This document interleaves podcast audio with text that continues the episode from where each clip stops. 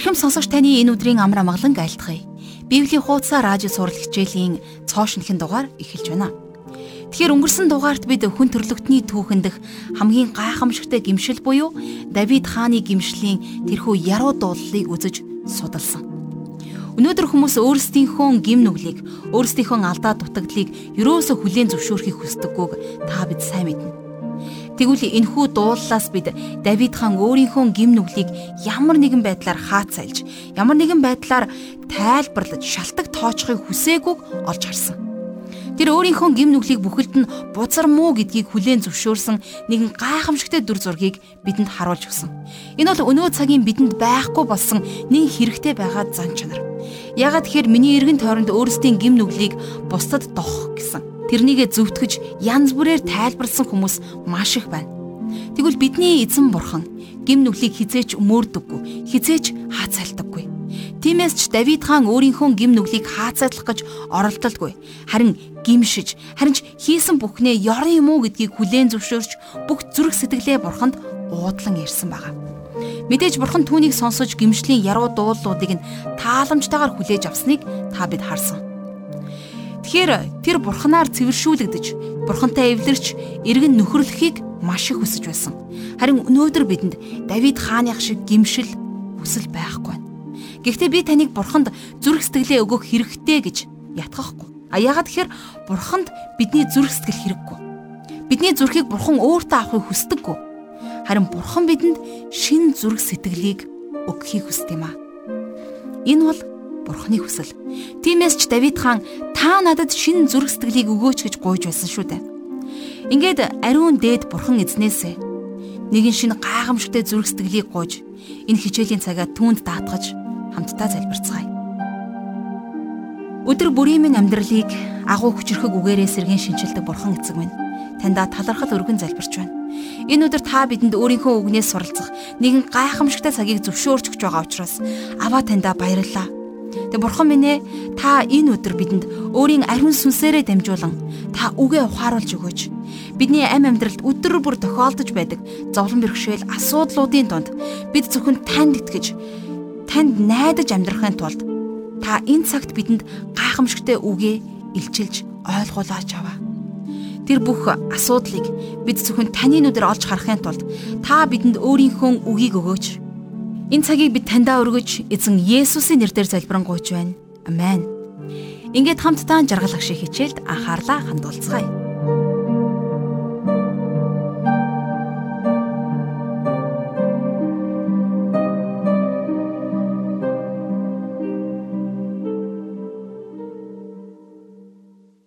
Өнөөдрийнхөө хичээлээр бид хамтдаа дуулал номын 52 дугаар бүлгээс 55 дугаар бүлгийг дуустал үзэх болно. За энэ хүү багц дөрвөн бүлэг дээр хожим нь гарч ирэх антихристийн тухай өгүүлсэн байна. Эзэн Есүс энэ талаар чидүүн уулан дээрх сургаалдаа онцлон ярьсан байдаг. За мөн дээрэс нь иш үзүүлэгч Даниэл болон Илж Паул ч гэсэн бас энэ тухай Библиэлд хэлсэн байна. Тэгэхээр энэ хүү дөрвөн бүлэг нь бүгдээрээ маскил буюу зааварчилгаа өгөх зорилготой дуулууд. За эдгээр дуулуудаас бид нэр ирээдүйн талаар хэд хэдэн чухал ойлголтыг авч болно. За дууллын 52 дугаар бүлгийн эхэнд удирдаачид Идом хүн Доэг Давид Ахимелехийн герт ирсэн нь гэж Саулд мэдэгдэх үеийн Давидын маскил гэж бичигдсэн байна.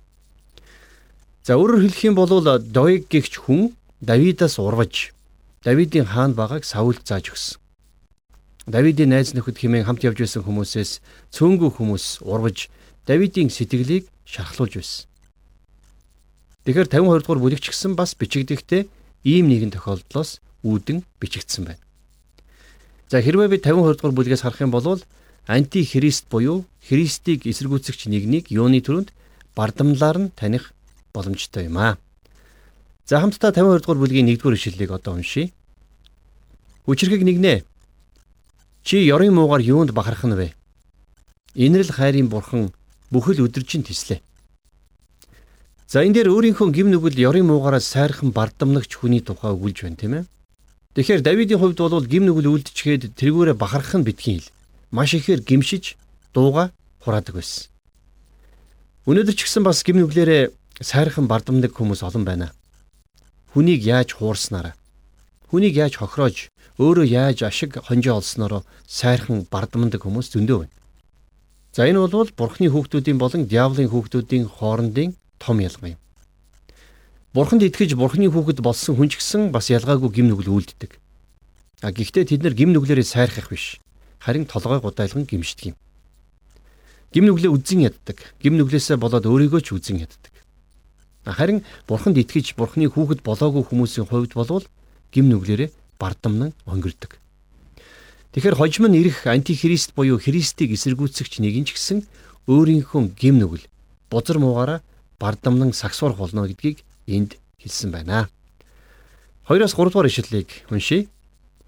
Хуурамгийг үлдэгчээ хилчин сүрлийг үлдэх нь хурц тонгорго мэт ажээ. Чи сайнаас илүүгээр мууд дурлна. Зүвийг ярихаасаа илүүгээр худал хилнэ. Села За олон хүмүүсийн хувьд үннийг ярихаас илүү хотлоо хэлэх нь амархан байдаг. Тэд нар бодит үннийг хэлж чадахгүй болохоор хотлоо ярьж хуурж мэхлэхийг сонгодог. Тэгэхээр хотлоо ярих нь бол сүүлдээ зуршил болоод үннийг хэлэхэд илүү амархан байсаар байтал хотлоо ярьсаар байдаг. Дөрөвдүгээр ишлэл. Залт хилээ. Чи хөнөөлт үг бүрийг хайрлаж байна. Тиймээс бурхан чамайг үрд сөнөөнө. За тэгэхээр 52 дугаар бүлэг дээр бол антихрист буюу Христийг эсэргүүцэгч нэгнийг хоёр нэрээр нэрлсэн байдаг. За нэгдүгээр ишлэл дээр хүчрэхэг нэгэн гэсэн байгаа бол за дөрөвдүгээр ишлэл дээр залт хил гэж нэрлсэн байна. Тэгэхээр түүний үг бүр нь худлаа. Түүний үгэнд итгэх аргагүй гэдгийг энд маш тодорхой өгүүлсэн байдаг. 5 дугаар ишлэлийг хамтдаа уншийе.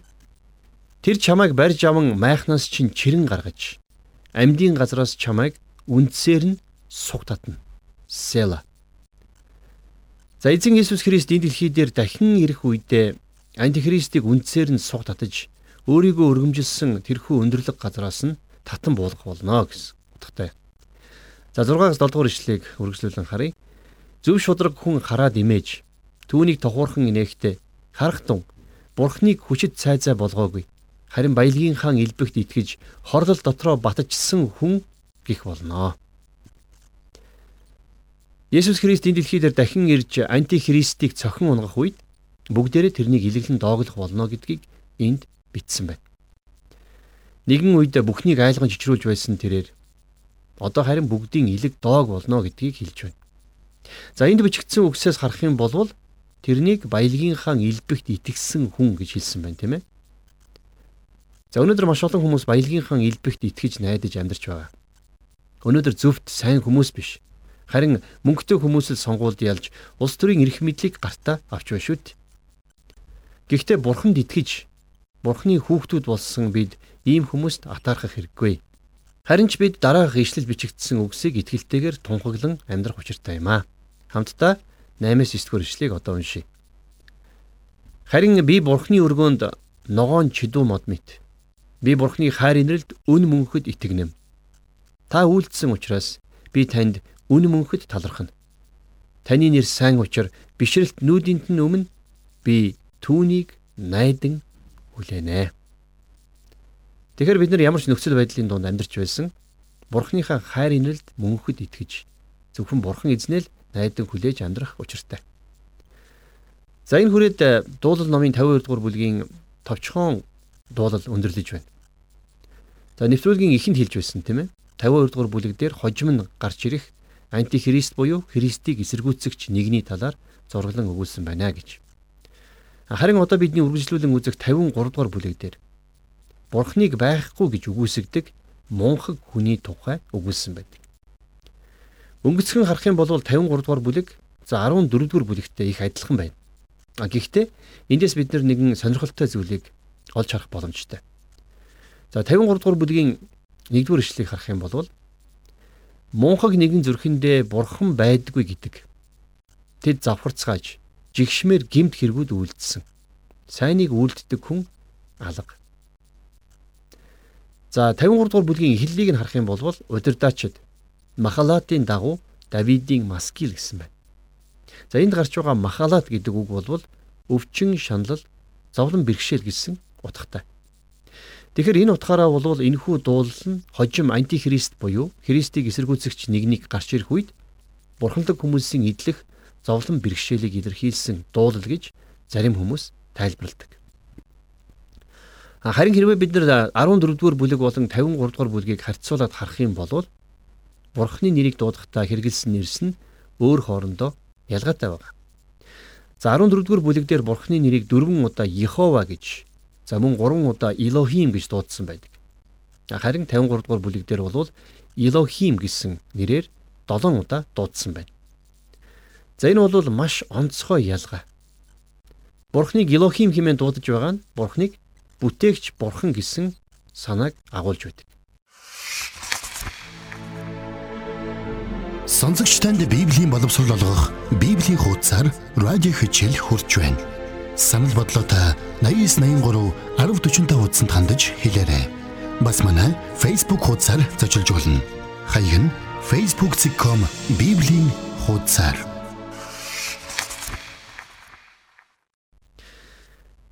Бурхангүй үзэл хэрхэн анх бий болсныг бодоод үзэх юм бол Бурхны бүтээлтэй холбоотойгоор бий болсон байдаг. Өнөөдөр Бурхны илчлэлт болсон Библийн үгсийг хөдлөшгүй үнэн гэж хүлээж авах нь улам бүр багассаар байна. Эхлэл номын эхний бүлгүүдийг хүмүүс зүгээр л нэг үлгэр домог мэтээр авч үзэх болсон байна. Тэр ч бүхий л итгэгч хүмүүс хүртэл эхлэл ном дээр хүл явдалд тэр бүр бүрэн дүүрэн итгэхгүй байна. Хувьслын онол анх гарч ирэхдээ энэ дэлхий дээрх бүтээлүүд анх хэрхэн бий болсон талаарх таамгийг дэвшүүлэн гарч ирсэн. Улмаар энэ дэлхийн ихэнх улс орнуудад энэ дэлхий дээрх бүх бүтээлүүдийн үүсэл гарлыг хувьсалтай холбонд тайлбарлаж Бурхныг үгүйсгэх хандлага маш хурдан түүмэр мэд газар авсан байна. Бурхан байхгүй гэж үзэх энэхүү үзэл болвол шууд утгаараа анти христийн үзэл юм. За 1-р Иохны 2-ын 22 дугаар ишлэлдэр Илч Иохан бичгтээ. Есүс бол Христ гэдгийг үгүйсгдэг нэгнээс өөр хэн хөдөлж юм бэ? Энэ бол анти христ буюу эцгийг болоод хүүг үгүйсгэгч юмаа гэсэн байдаг. Хэрвээ бид нэр бурхны өмнө эрхийг хүсэж байгаа бол итгэлээр л ирэх ёстой. Еврейн 11-ийн 6 дугаар ишлэлдэр итгэлгүйгээр таалагдана гэдэг боломжгүй юм. Учир нь бурханд ойртон байгаа нь тэр байдаг гэдэгт болон өөрийг нь хайгчдад тэр шагнагч нь болдог гэдэгт итгэх ёстой гэж бичсэн байна. Английн нэрт хамтлаг болох Библи хамтлагийнх нэгэн удаа өөрсдийгөө бид Есүс Христээс ч илүү алдартай болсон гэж тунхаглаж байсан. Тэд нэр үнэхээр их алдартай байсан ч гэсэн Христтэй адил алдартай байгаагүй. Тэгээд ч тэдний нэр алдар Христийн алдар шиг мөнх настай биш юм. Хэдийгээр хүмүүс Есүс Христийг үгүйсгсэн ч түүнийг үл тоосон ч түүний нэр алдар мөнхийн мөнхөд оршсоор л байх болно. Тэгвэл Есүс Христийг үгүйсгдэг бурхангүй үзэл болвол анти Христ буюу Христийг эсэргүүцэгч нэгний үзэл юм. Анти Христийн талаар өгүүлэхдээ Паул 2 дугаар Тесалоникийн 2-ын 4 дугаар эшлэлдэр Тэр бол эсэргүүцэгч төдийгүй. Бурхан буюу шүтээний зүйл гэгдэгч бүгдийн дээр өөрийгөө өргөмжлөн Бурханы сүм дотор сууж өөрийгөө бурхан гэж харуулна гэж хэлсэн байдаг. За хамтдаа үргэлжлүүлээд энэхүү богинохон дуулалынхаа хамгийн сүүлчийн буюу 6 дугаар ишлэлийг одоо уншицгаая. Израилийн аврал Сионоос гарах болтугай. Бурхан олзлогдсон хүмүүсээ эргүүлэн авч ирэхэд Яаков баясна, Израиль баярлнаа. За энэ хэсгээс харах юм бол Бурхан Израилийн ард түмнийг бүр мөссөн орхиогоо гэдгийг бид харж байна, тийм ээ. Юу гэж хэлсэн байна уу гэхээр Бурхан олзлогдсон хүмүүсээ эргүүлэн авч ирэхэд Яаков баясна, Израиль баярлнаа гэж хэлсэн байна. За зарим судлаачид энэ ишлэлийг тайлбарлахдаа бид нар бол сүнслэг Израильчууд юм а гэж тайлбарладаг. Харин хэрвээ бид нар энэ ишлэлийг шууд утгаар нь авч үзэх юм бол Бурхан Израильчуудыг авралдаа багтаах болно. За Израильчуудыг өөртөө дуудан аврах болно гэдгийг олж харах боломжтой байна. За хамтдаа үргэлжлүүлээд 54 дугаар бүлгийг одоо эхлэе. Хэрвээ бид нар дуулал 54 хэмээх энэхүү товчхон дуулалын яг эхний хэсгийг харах юм бол удирдаачид чавтаст хөгжимд зивчүүд Саулд Давид бидний дунд нуугджээ гэх үеийн Давидын маскил гэж бичсэн байна. За эндээс бид нар хид хідэн зүйлийг харж болно. Маскил гэсэн байдлаас нь харах юм бол энэхүү дуулал нь зааварчилгаа сургамжийн утга санаа бүхий дуулал болж таарч байна тийм ээ. Тэгэхээр энд гарч байгаа зивчүүдийн талаар бол 1-р Самуэль номын 23 дугаар бүлэг дээр гардаг. Тэд нэр Давидаас урваж Саулд Давидын нуугдж байгаа газрыг хэлсэн. Тэгэхээр энэ тухай олж мэдсэн Давид хэрхэн залбирсныг хамтдаа одоо 54 дугаар бүлгийнхээ 1-ээс 2 дугаар ишлэлээс уншийе. Бурхан өөрийн нэрээр намайг аварч хүч чадлаараа намайг нотолж өгөөч. Бурхан залбирлыг минь сонсооч. Амны минь үгсд чих тавиач. За зэвчүү Давидаас орвсон. За энэс болоод Давид маш хүнд байдалд орсон. Тэгэхээр эцсийн өдрүүдэд ахын дүүс бие биенээсээ урах болно гэдгийг Библиэлд зөвгнөн тодорхой хэлсэн байдаг. За 3 дугаар ишлэгийг харъя. Учир нь харь хүмүүс миний эсрэг боссон бөгөөд хэрцгий хүмүүс амийг минь ирж байна. Тэд бурхныг урдаа залдаггүй хүмүүс юм аа. Села. Давид тэдгээр бурханлаг биш хүмүүсийн ургалтаас болоод маш их зовж шаналсан. За хожим нь антихрист гарч ирэх тэр үед ч гэсэн Израилийн бурханлаг үлдгэсэд Давидтай адилхан ингэж зовж шаналх болно гэдгийг бид нар эндээс давхар харж болж байна. За энэ хүү богинохон дуулын төгсгөлд бурхандаа итгэж найдсан итгэлийн тунхаг гардаг. Хамтдаа 4-өөс 7 дугаар ишлэгийг уншийе. Харах тун Бурхан миний туслагч. Эзэн бол амийг минь тэтгэгч. Тэрээр буцаана. Дайснуудад минь ёрын мөг буцаана. Үнэн дотроо тэднийг устгаач. Би сайн дурын тахилыг танд нядлан тахина. Эзэн таны нэр сайн учир би магтана. Тэр намайг зовлон шаналн бүгдээс аварссан бөгөөд би дайснуудаа нүдэрэ гарсан. Хуучин гэрийн түүхээс харах юм бол урвагч зэвчүүд. За бас Өш сансан Саулийн гараас Бурхан Давидыг аварсан болохыг бид нэр олж хардаг тийм ээ. Тэгэхээр яг энэний нэгэн адилаар зовлон шаналлд өртсөн өөрийнхөө хүмүүсийг ч гэсэн бас Бурхан гарцаагүй аврах болно. Бидний Бурхан бол өөрийнхөө амлалтыг сахидаг итгэмжтэй Бурхан. За үргэлжлүүлээд 55 дугаар бүлгийг одоо үздэцгээе. Тэгэхээр 55 дугаар бүлэг бол мөн л маскил буюу заавар сургамж өгсөн дуулал байна. За энэ хүү бүлгээр хожим гарч ирэх антихристийн тухай багц иш үзүүлгийн зөнгүүд дуустдаг. Тэгэхээр энэ хүү багц дуулууд дээр антихристийг тодорхой зураглан харуулсан байна гэж би бодож байна. За хэрвээ бид нар хамтдаа 55 дугаар бүлгийн эхний хэсгийг харах юм бол энд ингэж бичсэн байгаа. Удирдаачид утсан хөгжимдөр Давидын маскил гэж. Тэгэхээр Давид энэ дуулалыг чухам яагаад бичих болсныг бид мэдэхгүй. А гэхдээ магадгүй Давид энэ дууллаа өөрийнхөө хүү Абсаломоос зүхтан явх үедээ зохиосон байж болох юм. За би бол хувьдаа ингэж таамаглаж байгаа. Давидын хүү Абсалом бослого дэгдэх үед маш олон хүмүүс Абсаломыг дагаж Давид аргагүй эрхэнд Иерусалим хотоос дөрвөн зугтсан. Хэрвээ Давид Иерусалим хотыг орхин гараагүй байсан бол хот бүхэлдээ эмх замбраагүй байдалд орж за төр эргэж маш олон гимгүү хүмүүс хохирох аюултай байсан. За тийм учраас Давид Иерусалим хотыг орхиж эргээд ижил тасал болсон уулахад агуугаар хорогдголсон. Давид сэтгэлийн зовлонтойгоор Иерусалим хотыг орхин гарч явах үедээ тэрний итгэл зөвлөгч Ахитофел Абсаломын талд урман очисон тухай мэдээг олж сонссон байдаг. Сонсогч танд Библийн боловсрол олгох Библийн хуудасар радио хичээл хурж байна. Санал бодлоотой 8983 1045 хуудсанд хандаж хэлээрэй. Бас манай Facebook хуудасаар зочилж болно. Хаяг нь facebook.com bibлийн хуудасаар. За Ахитофел Давидаас нүүр буруулан урвсан. Тэгэхээр 2 дугаар Самуэлийн 15 дугаар бүлгийн 30-аас 31 дугаар ишлэгийг харах юм бол харин Давид чидүүн өксөөр харин Давид чидүүн өксөөрөөд мацахта уйлан толгоогоо бүтээж хөл нүцгэн явв.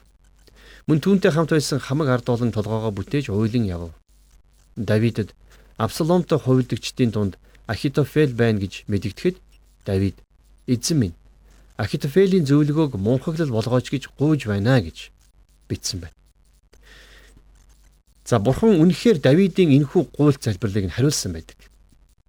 Бурхан Ахитофелийн зөвлөгөөг мунхаглал болгосон байна. За хамтдаа дуулал номын 55 дугаар бүлгийн 1-ээс 3 дугаар ишлэлийг одоо уншийе. Бурхан залбиралд минь чих тавиач. Намайг гуйхад та бүү нуугдаач. Намайг анхаараж надад хариулаач.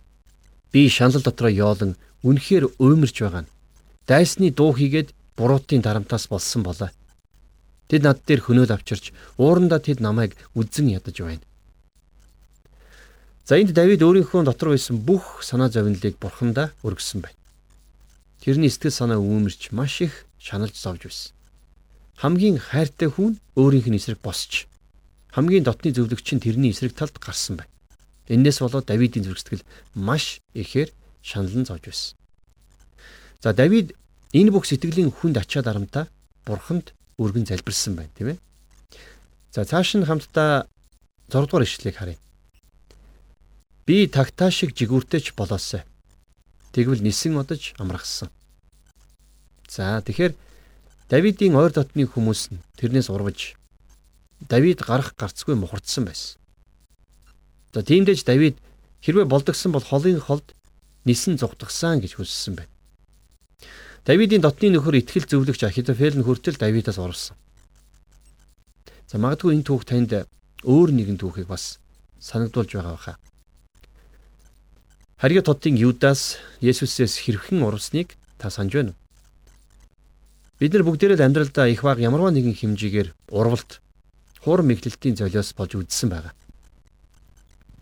За миний амьдралд бол маш олон гайхалтай хүмүүс таарч байсан. Гэхдээ тэдний дотор Ахитофел шиг, Искариотын Юдас шиг хүмүүс ганц нэг таарч л байсан. Маш ихээр итгэж найдаж байсан хүн итгэл эвдэж, нүүр буруулан урах үед Мэдээж хүний сэтгэл маш их шархалдаг. За 13-аас 14 дугаар ишлэгийг уншъя. Гэвч надтай ижил тэгш хүн миний анд ба дотны найз минь билээ. Бид хамтдаа таатай чуулал хийж Бурхны өргөөнд олонний дунд алхаж байсан. За Давид энд өөрөөс нь урвсан дотны нөхөр болох Ахитофелийнхэн талаар энд ингэж хэлсэн байна. Тэгэхээр Давидын хувьд өстөн дайснууд нь биш харин дотны нөхд нь өөрөөс нь урвсанд маш их шаналж байсан. Заримдаа чуулган дотор ч гэсэн ийм хүмүүстэй таарах боломжтой байдаг. Бид нар хамтдаа байх үедээ цог залбирч, цог бурхныг магтаж байснаа гараад явсны дараагаар араар муулж, элдэв ховжив тараадаг. Бидний иргэн тойронд иймэрхүү хүмүүс цөөнгүй байгаа. Бид нар тийм хүмүүсээс болж зовж шаналдаг ч гэсэн ийм хүмүүс байдгаа гэдгийг бид нар урдаас мэдэж, бурханд өөрсдийгөө даатгаж урам зоригтой байх хэрэгтэй. 15 дугаар эшлэл. Үхэл тэднийг залгин хоосруулаг. Үхэгсдийн орн руу амьдараа явг. Учир нь амьдрдаг газар нь ч тэдний дотор нь ч ёрын муу юм аа.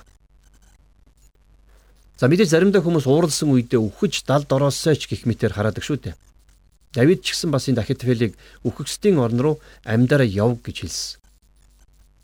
За өнөөдрийнхөөр бол Давид Ахитофелийг үхэж далд ороосоо гэж хэлсэн байна тийм ээ. Харин эзэн Есүс яалаа? Есүс өөрөөс нь урвж өөрийг ашигласан Юдасыг хараагааг. Өөрт нь шодрог бусаар хандсан тэр бүх хүмүүст Есүс харин бүр хайраар хандаж тэдний төлөө залбирч тэднийг уучлсан. За тэгвэл биднийг ч гэсэн бас яг ингэж үйлдээрэ гэж Есүс бидэнд загсан юм. 16-аас 17 дугаар ишлэл. Харин би бурхныг дуудаж эзэн намайг аварна. Үдэш өглөө болон үд дундч би үглэн гонгинох бөгөөд тэрээр дууг минь сонсноо. Давид өөрийнхөө зовлон шаналлын талаар энд хэлэхдээ үдэш өглөө болон үд дунд ч гэсэн би үглэн гонгиндгоо гэж хэлсэн байна. За эндээс нь харах юм бол Давид өдөр шөнөгүй бурханд хандан залбирч байсан. Бидний дайснууд та биднийг буланд шахаж, тийм ээ? За тэгээд биднийг зовоож шаналгах үед тэд нар бидэнд нэг талаараа тусалж байдаг. Та энэ талаар бодож үзсэн үү? Өөрөөр хэлэх юм бол биш үү? Биднийг бурханд илүү их найдаж, бурханд илүү их залбирдаг хүмүүс болгож биднийг өөрчилдөг. Бид нар зовж шансан үедээ урд урдынхаас ч илүүгээр бурханд ойртдог шүү дээ. Тиймээс бидний дайснуудыг ч гисэн бурхан та бидний сайн сайхны төлөө хэрэглэх боломжтой байдаг юм а гэдгийг бид мартаж болохгүй. За 21-с 22 дугаар ишлэгийг одоо уншийе. Түүний ам хил цэцгийн тосноос ч ялдан байсан. Харин зүрхэнд нь дайсагнал байв. Үгсэн чидүүн тосноос ч уян зөөлөн байсан гэвч тэд илд сугалсан байв. За Афитофел гаднаа Давидын хамгийн дотны нөхөр шиг дүрс гэж байсан. А тэгсэн хэрнээ цаагаараа Давидын эсрэг хувилдааныг зохион байгуулсан байна. Тэгэхээр Ахитофелийн энэхүү дүр зураг болвол хожим энэ дэлхий дээр гарч ирэх антихрист буюу Христийн дайсны дүр зураг юм. Тэгэхээр антихрист гихч тэр хүн болвол маш олон хүмүүсийн итгэлийг олж эцэст нь тэднийг хуурч мэхлэх болно гэж Библи бидэнд тодорхой өгүүлсэн байдаг. Тэгэхээр таны эсрэг зогсож байгаа тэр бүх хүмүүсийг та зүгээр л бурханд өргөөрэй. Ромын 12-ын 19 дугаар эшлэлдэр хайртууд минь хизээч өөрийн өшөө хонзонг бүү ав. Харин бурхны уур хилэнд зай гарга. Учир нь өшөө авалт нь минийх би буцааж төлнө гэж эзэн хэлвэ гэж бичигдэжээ гэж. Танаас урвж таныг шудраг бишээр хохироосон хүмүүсийг та бурханд даатгаарай. Бурхан тийм хүмүүстэй харилцахдаа биднээс хавьгүй илүү гэдгийг та бити мартаар. Бурхан тэр хүмүүсийг яах вэ гэдгээ хамгийн сайн мэднэ. Тиймээс та өөрийнхөө дотор байгаа ачаа дарамтаа бурханд өргөөрэй. За 22-оос 23 дугаар ишлэл. Ачаага эзэнт даатга Тэр чамайг түшин тэтгэн. Зөвтийн ганхахыг тэр хизээч зөвшөөрөхгүй. Бурхан та тэднийг сүрлийн нүхэнд унгана. Цуст мэхлэгч хүмүүс өдрүүдийнхэн хагаст ч хүрэхгүй. Харин би танд итгэх болно. Энэ бол өөрөөс нь урвж шарвсан. Өөрт нь шудраг биш хандсан хүмүүсийн талаар Бурхан залбирсан Давидын залбирал байна. Тэгвэл танд хүмүүс шудраг усаар хандаж танаас Хүмүүс урвах үед та яах вэ? Та тэднийг хараж зүгэх үү? Эсвэл өөрийгөө өрөвдөж уйлж унжих уу? Аль нь ч биш. Та бурханд итгээрэй. Бурхан тэдгэр хүмүүсийг даадган өргөөрэй. Хүнд хэцүү асуудлыг шийдэх хамгийн шилдэг арга бол бурханд итгэж, бурханд өргөх явдал юм шүү дээ.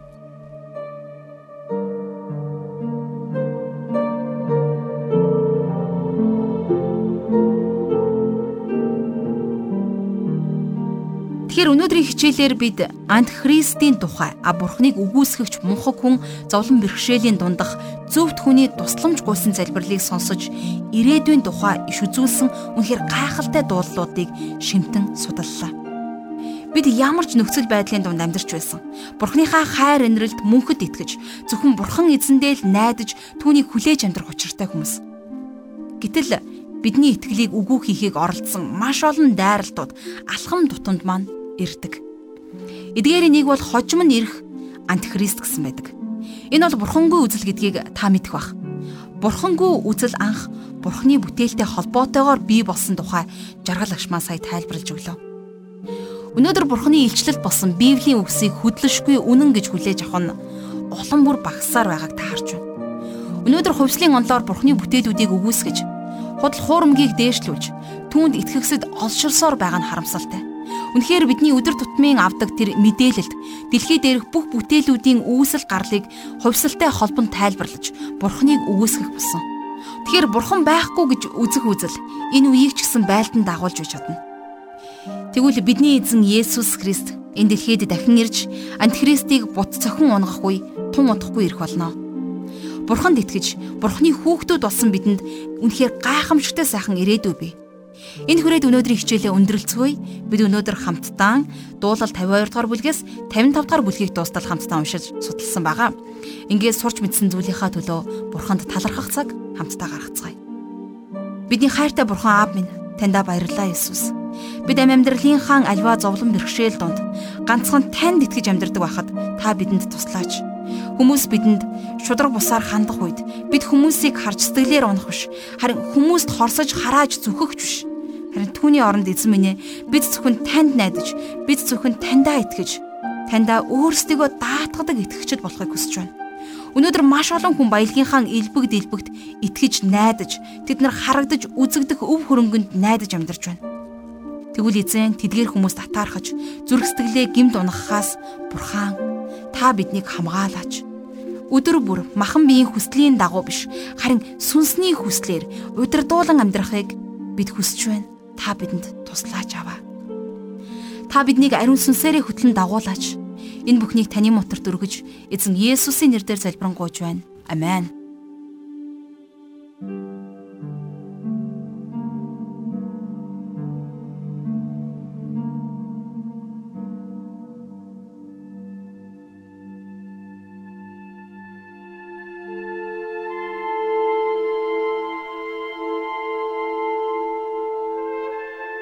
Сонсогч танд ариун бичээс нийгэмлэгийн захиалагт Библийн хуудасаар радио хичээл хүрлээ.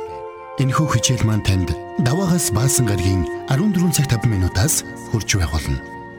Санал хүсэлтээ та 8983 1045 дугаарын утсанд болон Библи хуудас @gmail.com захим хаягт хандаж ирүүлээрэй.